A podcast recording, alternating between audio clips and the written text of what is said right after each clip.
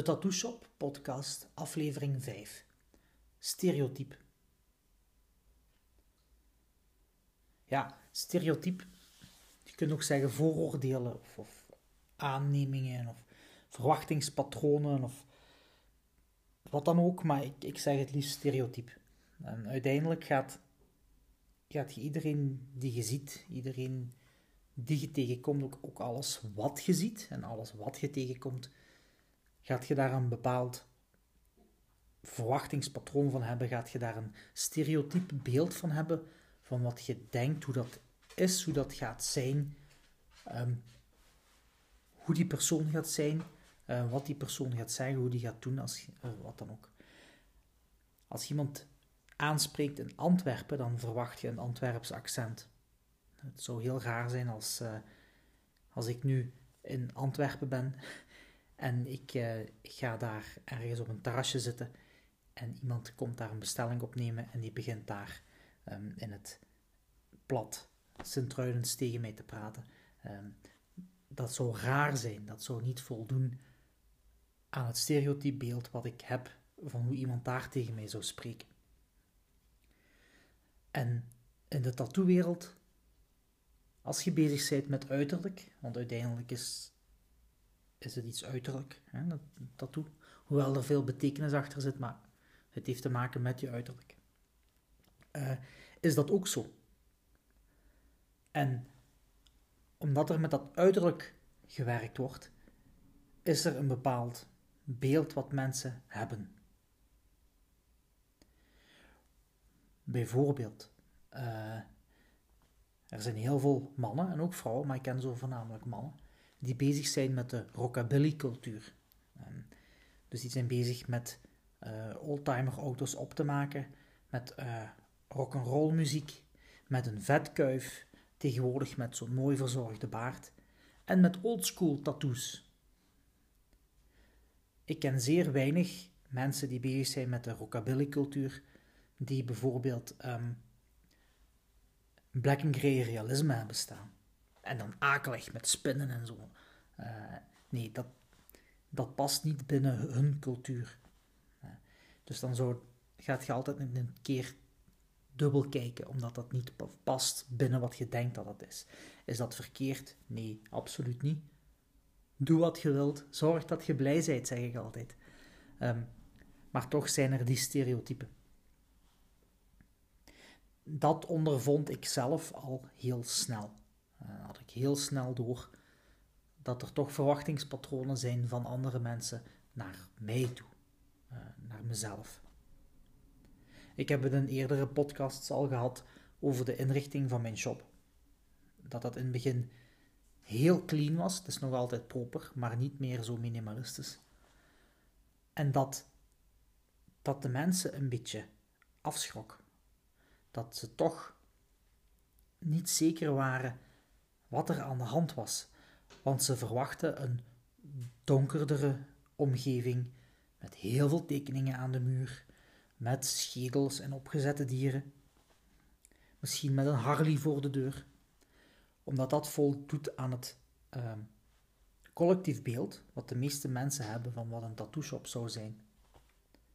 Er is ooit zelfs een mevrouwtje binnen geweest en toen had ik al mijn favoriete werken, de werken waar ik content van was, allemaal in een mooie kader aan de muur gehangen. En ik had een heel divers aanbod van kaders. Ik had er heel, heel ornamentele, eh, met een dun lijstje, zonder lijstje, maar allemaal met wit. En er kwam een, een mevrouw de shop binnen en die wou die kaders kopen, want zij dacht dat het een interieurwinkel was. Ik nam dat als een compliment. Ik vond dat geweldig. Die vindt mijn interieur, wat ik toen bij de IKEA gehaald had, vond ze geweldig en zij wou dat kopen. Maar toch, um, toen ik haar zei, dit is een tattoo shop, schrok ze even. Ten eerste, wat doe ik hier? Wat, uh, want dat, dat, dat was iets heel ver van haar bed. En zij dacht dat het een interieurwinkel was, omdat toen zeker mijn interieur zo was. Het was heel sec, uh, heel minimalistisch, alsof, een, alsof het zo'n uh, meubelwinkel was. Maar ik merkte ook um, dat wanneer mensen de shop binnenkwamen, even zeggen, als mensen bij mij de shop binnenkomen, ik heb geen toog. Ik heb geen wachtkamer. Je komt gewoon binnen in een ruimte met een zeteltje als je daar wilt gaan zitten en een tafel met stoelen. Uh, en een kast waar mensen bij een rommel in ligt. Maar voor de rest is daar eigenlijk weinig. Uh, soms staat daar eens een fiets. Al dan niet voor mij. maar dus je komt binnen in de ruimte en dan nodig ik u uit om bij mij aan tafel te gaan zitten. Wat toen, zeker toen ik, wij open gingen, toen niet was, dat had je een shop met een toog gesprek van vijf minuten. Ah, ik wil dit, ik wil dat. Dan is uw afspraak voorschot juist. Dat was het standaard wat er gebeurde in tattoo shops. Ik zeg niet overal, maar dat was toen ook het beeld van hoe de mensen dachten dat het zou moeten zijn. Maar als ze bij mij binnenkwamen, kwamen ze binnen eerst in een lege ruimte. Want ik, ik zit van achter, achter een wand met spiegelglas, ben ik aan het werken. Dat niemand kan zien wat ik aan het doen ben. Ook als er iemand schaars gekleed of naakt op mijn tafel ligt, dat niemand anders daar geen zaken mee heeft. Ehm, en ik kan toch zien wie binnenkomt. Dus dan komt je binnen in een, ruimte waar niemand is en dan word je ontvangen door mij. Moest je mij niet kennen, um, ik zie niet uit als een tatoeëerder. En het eerste jaar of twee jaar dat ik een shop had, had ik zelf nog geen tattoos. Uh, ik wist, ja, reden maakt niet uit, maar ik had gewoon nog geen tattoos. En dus dan werd je ontvangen door een uh, kalende kerel van midden 30, met een rare hond, wat gaat Van mij maken. Werd je ontvangen door een, een, een, een kalende kerel van midden 30 in een short met een t-shirt. Uh, met heel felkleurige schoenen, felkleurige sokken en een zwart t-shirt. Zonder zichtbare tattoos. En iedereen die binnenkwam schrok, durfde er al dan niet iets van te zeggen, maar deinsde altijd een beetje terug. Want ik voldeed niet aan hoe ze dachten dat er iemand naar voren ging komen. Er werd me toen wekelijks gevraagd: en wanneer komt de tatoeëerder? Uh, krijg ik de tattooman ook te zien. Uh, het is fijn dat dat hier helpt, maar mag ik de tatoeëerder zien? Zo van die dingen. En dan moest ik altijd mijn best doen om die mensen te overtuigen dat ik het was. Achteraf is gebleken dat ik uh, gewoon best op mijn sociale media een foto van mezelf had gezet, dat mensen konden zien dat ik het was, dat ze me konden herkennen. En, en dan moest ik niemand overtuigen dat effectief ik die rare zot was die aan hun ging werken. maar toch. Nu ik wel ondertussen al een, deel tattoos heb, uh, die zijn die nog altijd niet zichtbaar.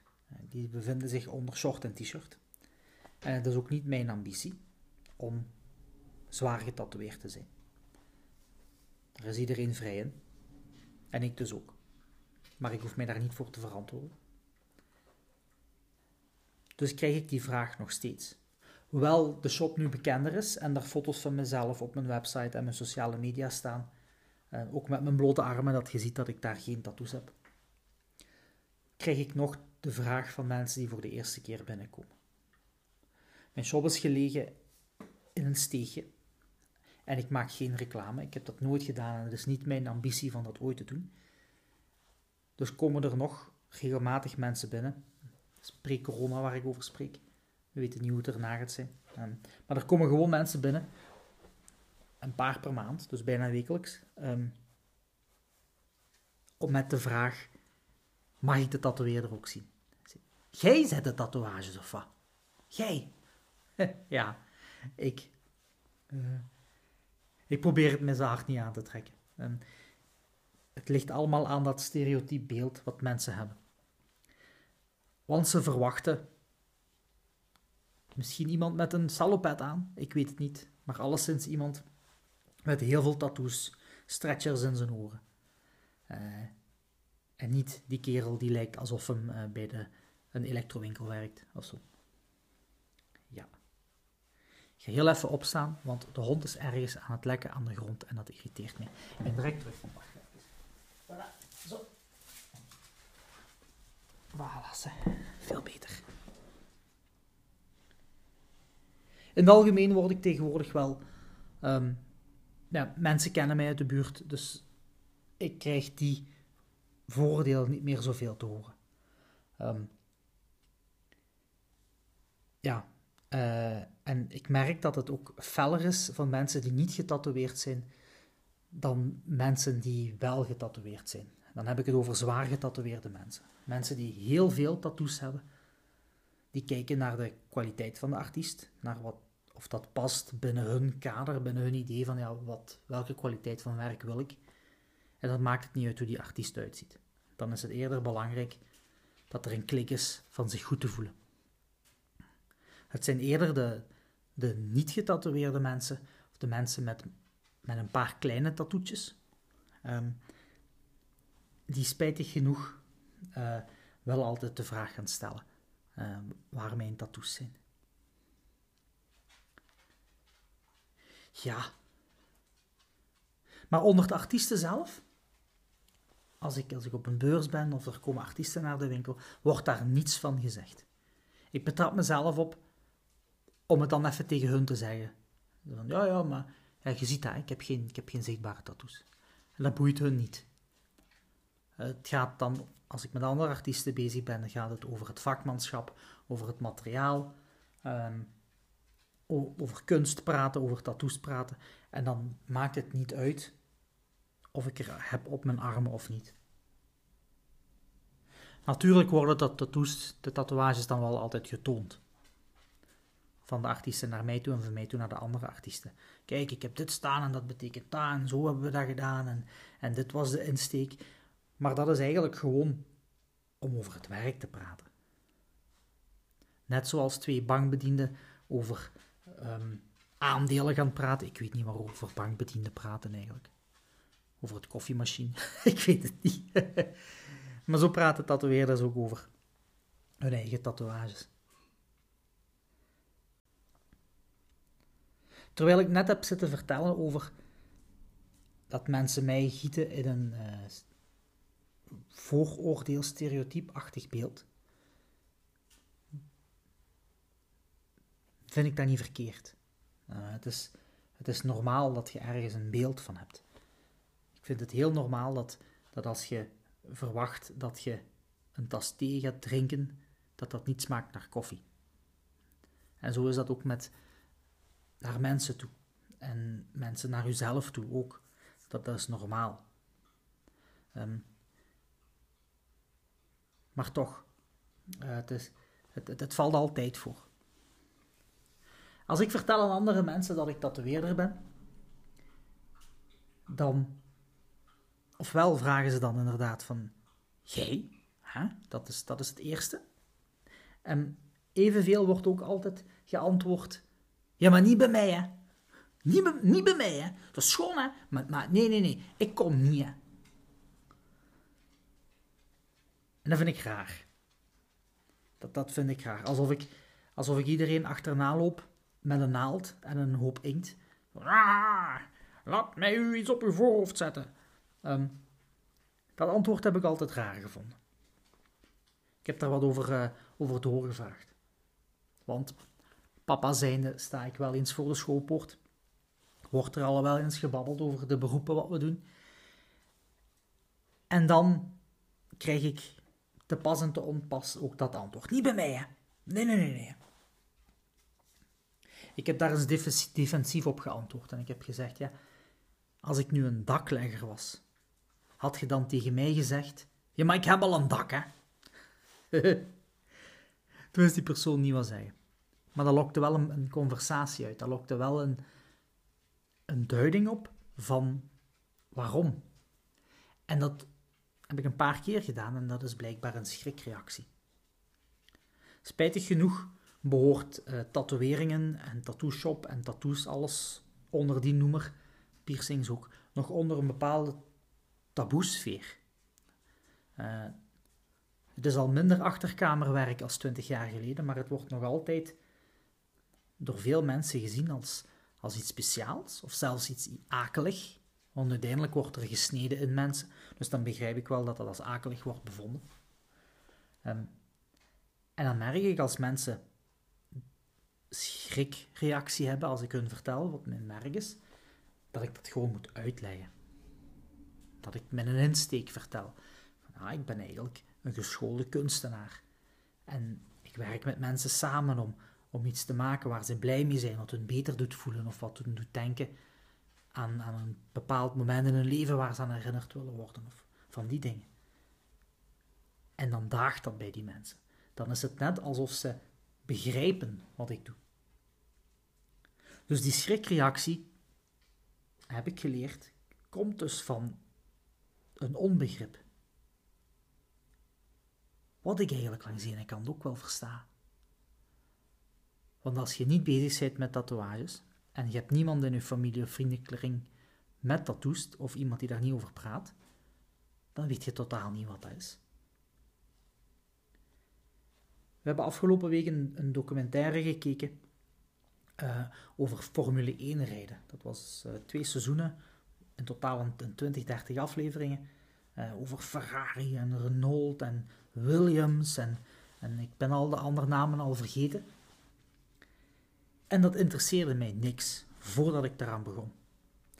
Ik heb me nooit geïnteresseerd voor motorsport. En dat, ja, dat boeide mij gewoon niet. Ik ben daar niet mee opgegroeid. En dat was in mijn ogen gewoon allemaal mensen in dezelfde auto die hetzelfde parcours 30, 40 keer achterin moeten doen. En de eerste die vertrekt is ook de eerste die aankomt. Lijkt me logisch, beetje fysica. Maar nu ik die documentaire heb gekeken, vind ik dat heel interessant. Ik ben nog altijd niet geneigd om een hele wedstrijd te kijken. Maar als ik nu online een artikel voorbij zie komen van ah, die transfer is gebeurd, of uh, die is nu naar die ploeg, of die is gecrashed of zo, dan ga ik dat wel lezen. Omdat ik begaan ben met de mensen die daar aan meedoen. Dat ik de mensen heb gezien achter hetgene wat mij niet interesseerde. En nu interesseert mij dat een beetje wel, omdat er mensen achter zitten. En dat is hetzelfde ook zo. Dus de mensen die ik opnieuw tegenkom, bijvoorbeeld iemand aan een kassa, die dan weet wat ik doe en schrikreactie heeft, die gaat mij achteraf aanspreken. En? En wat gaat je vandaag doen? En heb je een lange sessie op staan? En dan opeens zijn die mensen geïnteresseerd omdat er een persoon zit achter het beeld wat ze hebben of achter het onbekende. Dat, uh, dat is fijn. En dat heeft me ook geleerd dat, dat ik gewoon moet blijven doen wat ik doe.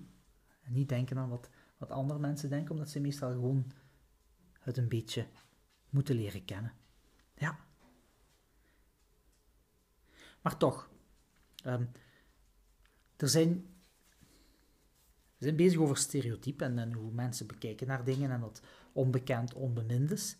Um, maar toch willen wij als mens, heb ik geleerd in de shop, door heel veel mensen te zien, we willen ergens toehoren. Lijkt die rockabilly persoon waar ik begin uh, deze podcast het over had. Willen we ergens tot behoren of behoren we ergens tot zonder dat we het weten? Ik ben bijvoorbeeld een papa. Um, dus ik heb ook van die domme moppen die ik de hele tijd vertel. Dat is heel natuurlijk gekomen, maar dad jokes zijn er nu eenmaal tussen geslopen. En zo zijn er ook categorieën van mensen die herhaaldelijk de shop binnenkomen. Net zoals die uh, rockabilly-kerel wat ik zei. Zo zijn er verschillende. Haar achterover, uh, oldschool tatoeages, bezig met muziek, met rockmuziek, rockabilly muziek, met auto's. Um, en dat is een soort subcultuur. En zo vind je veel subculturen ook die herhaaldelijk ook tattoos laten zetten en dezelfde soort tattoos laten zetten. Zo zijn er bijvoorbeeld, um, ik zal weer over mannen hebben, die mannen, mannen die bezig zijn met um, metal muziek, maar ook uh, Noorse culturen en de natuur, um, of Japanse culturen en de, en de natuur, meestal een oercultuur, en gaan graag wandelen in bossen en velden en luisteren naar metal. Dat is een, een grote categorie die herkenbaar de shop binnenkomt. Uitzonderingen maken de regel. Helemaal. Ehm, maar toch zijn er herkenbare mensen die binnenkomen. Een baard, meestal kaal geschoren of heel korte haar. Donkere kledij, meestal een bandshirt. Stevige boots. Uh, een, een, donkere, een donkere stevige combat broek of een, jeansbroek. En wat die mannen laten zetten. Ik zeg niet altijd, en ik, nogmaals, uitzonderingen maken de regel. Ehm, maar dat is te verwachten. Uh, kelderse knopen, bijlen, um, wat zaten ze nog zetten? Wolven. Uh, misschien dingen die te maken hebben met die, met die uh, oude cultuur waar ze mee bezig zijn, ofwel traditioneel Japanse dingen, ofwel traditionele Noorse tattoos. En dat ziet je zo'n beetje als die personen binnenkomen. Meestal heel stoere mannen, vriendelijke, lieve kerels. Meestal ook van die echte papa's die heel veel doen met hun kinderen. Um, en hele stoere oertattoos. Ja, dat, dat, dat, dat, dat zie je als die binnenkomen. En ze zijn ook altijd heel trots op alles wat ze doen en bereiken. En dat is eigenlijk heel fijn om te zien. Van die mannen komen ook te pas en onpas de shop langs met hun kinderen. Dan zijn ze iets aan het doen en dan komen ze even zwaaien van, oh, we gaan nog eens langs Tom. Dat is, dat is ook altijd plezant. Waar ook altijd heel herkenbaar uh, de shop binnenkomt, um, dat zijn tekenaars. Hobbytekenaars, professionele tekenaars, mensen die grafische kunsten gevolgd hebben. En die komen dan binnen voor een tattoo te bespreken met een hele map. Of met zo'n grote iPad of tablet waar ze hun tekeningen um, heel meesterlijk op gemaakt hebben. En, en die komen nog altijd hun eh, insteek doen. Dat is ook heel fijn om te horen altijd. Dan gaan ze zitten. En dan zeg ik, ah, kan ik u helpen, zeg ik dan. dan zeg ik, ja, ik kom voor een tattoo. En dan is er een hele uiteenzetting over kunstinvloeden en gedachtegangen en filosofie achter hun tekening, nog voordat ik de tekening te zien krijg. En dat is uh, meestal op hun manier ook altijd heel mooi getekend. Het spijtige met, met tekenaars is, ik ben zelf ook een tekenaar, um, je gaat je eigen daarin leggen, je gaat je eigen hand daarin steken en je gaat bepaalde dingen doen wat niet altijd even tatoeëerbaar is. Voor tatoeëren moeten we ons aan bepaalde regels houden. Um, niet alle gradaties kunnen, niet alle details kunnen, niet alle lijndiktes kunnen. En dan vind ik het altijd spijtig om die medekunstenaars, die tekenaars, te moeten zeggen dat het niet mogelijk is wat ze getekend hebben. Dat vind ik altijd spijtig. Maar we zoeken samen naar een, uh, een consensus. Uh, meestal wordt er ook met die personen samen aan, tafel getekend of dat ik hun richtlijnen geef. Oké, okay, wilt jij je tattoo zelf tekenen? Oké, let daar en daar en daar op en dan kunnen ze dat heel fijn zelf doen. Daar komen ook altijd voor mij de meest inspirerende dingen uit. Uh, het kan ook soms zijn dat die mensen totaal niet mooi kunnen tekenen, maar dat van hun eigen vinden van wel. En dan is het een beetje moeilijk om in te schatten. Ga ik nu moeten zeggen van, weet je, ik kan het best hertekenen of hun gewoon laten, omdat zij trots zijn op hun tekening. Um, gesprekken wijzen dat uit. Daar wordt meestal ook veel mee gebabbeld voor insteken uh, wat zij achter die tattoo hebben hangen. Even wat thee drinken. Sali thee vandaag. Slurp.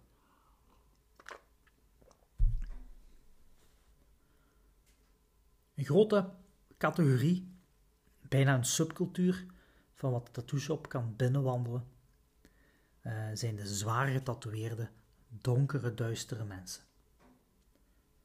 En dan heb ik het niet per se over hun gedachtegang. Dan heb ik het niet over hun huidskleur. Meestal zijn het blanke.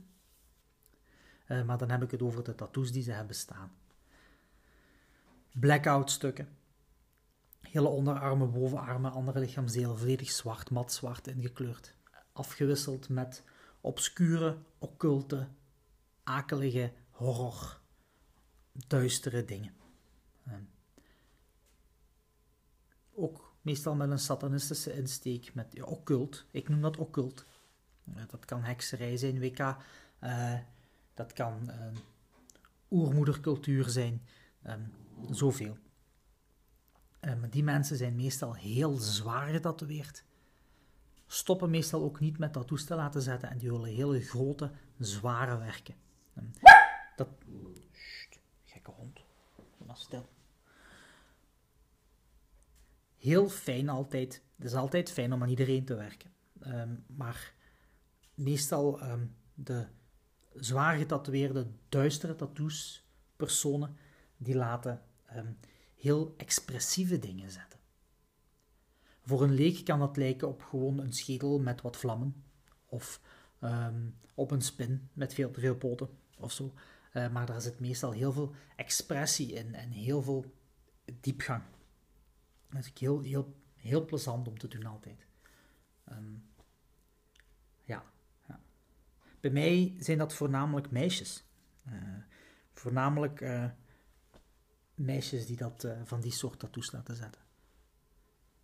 Als ik ga kijken naar, naar artiesten die ik ken, tattooartiesten die, die donker en duister en veel zwart en occult hebben staan, zijn dat meestal ook meisjes. Uh, of vrouwen. Ik zeg heel rap meisjes.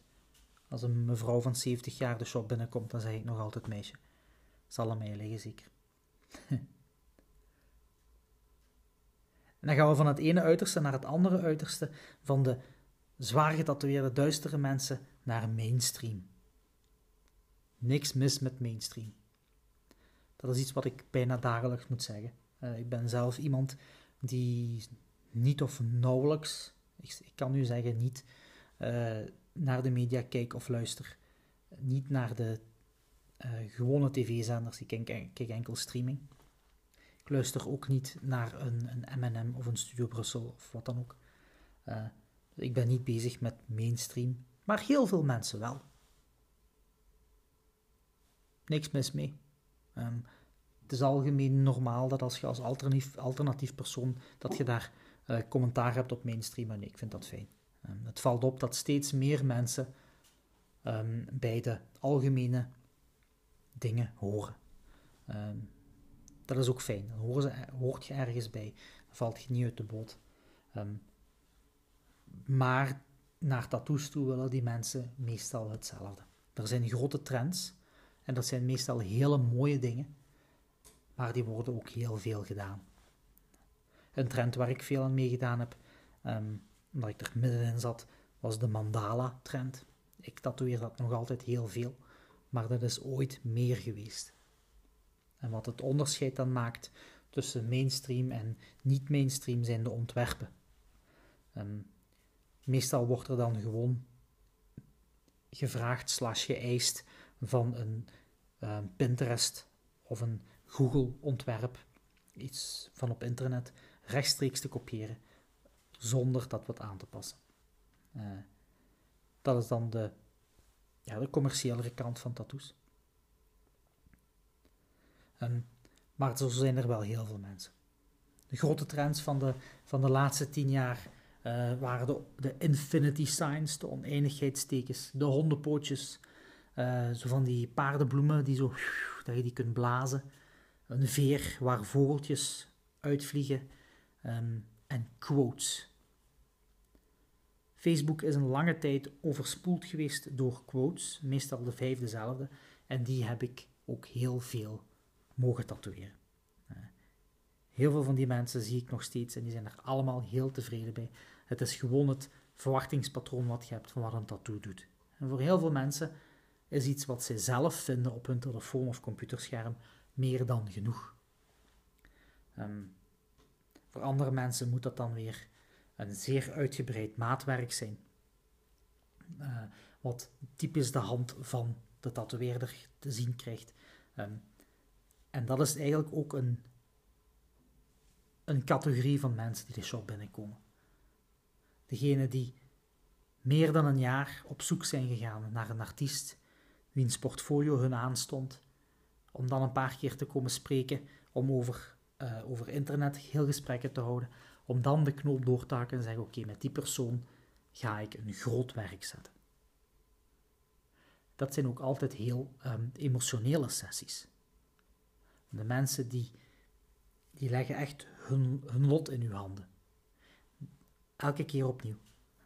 En, en als die mensen behoren tot een koppel of tot een, tot een, nauw gezin, dan mogen er bijna zeker van zijn dat die ook allemaal naar de shop komen.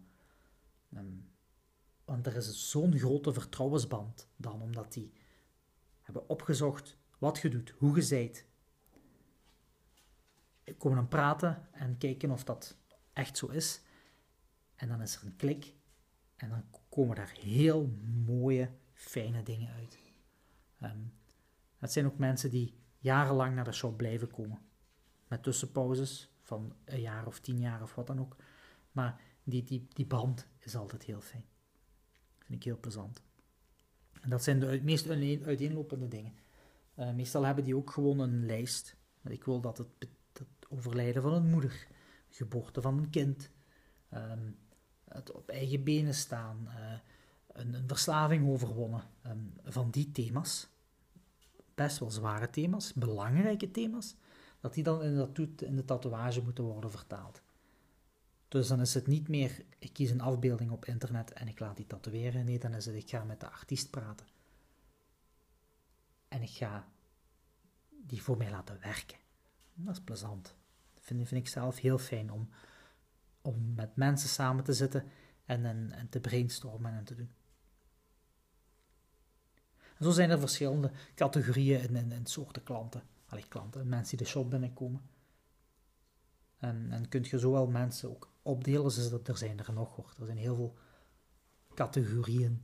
Ehm, maar dat betekent niet dat iedereen die binnenkomt eerst wordt geanalyseerd uh, en gemeten en gewogen om te kijken hoe en wat. Nee, uiteindelijk is het fijne aan mijn werk om met mensen te werken. En iedereen is anders. Of ze nu tot een subcultuur van punkrockers uh, toebehoren, of of het een, een mama is met vier kinderen die het net getrokken krijgt. Want zo zijn er ook veel, spijtig genoeg.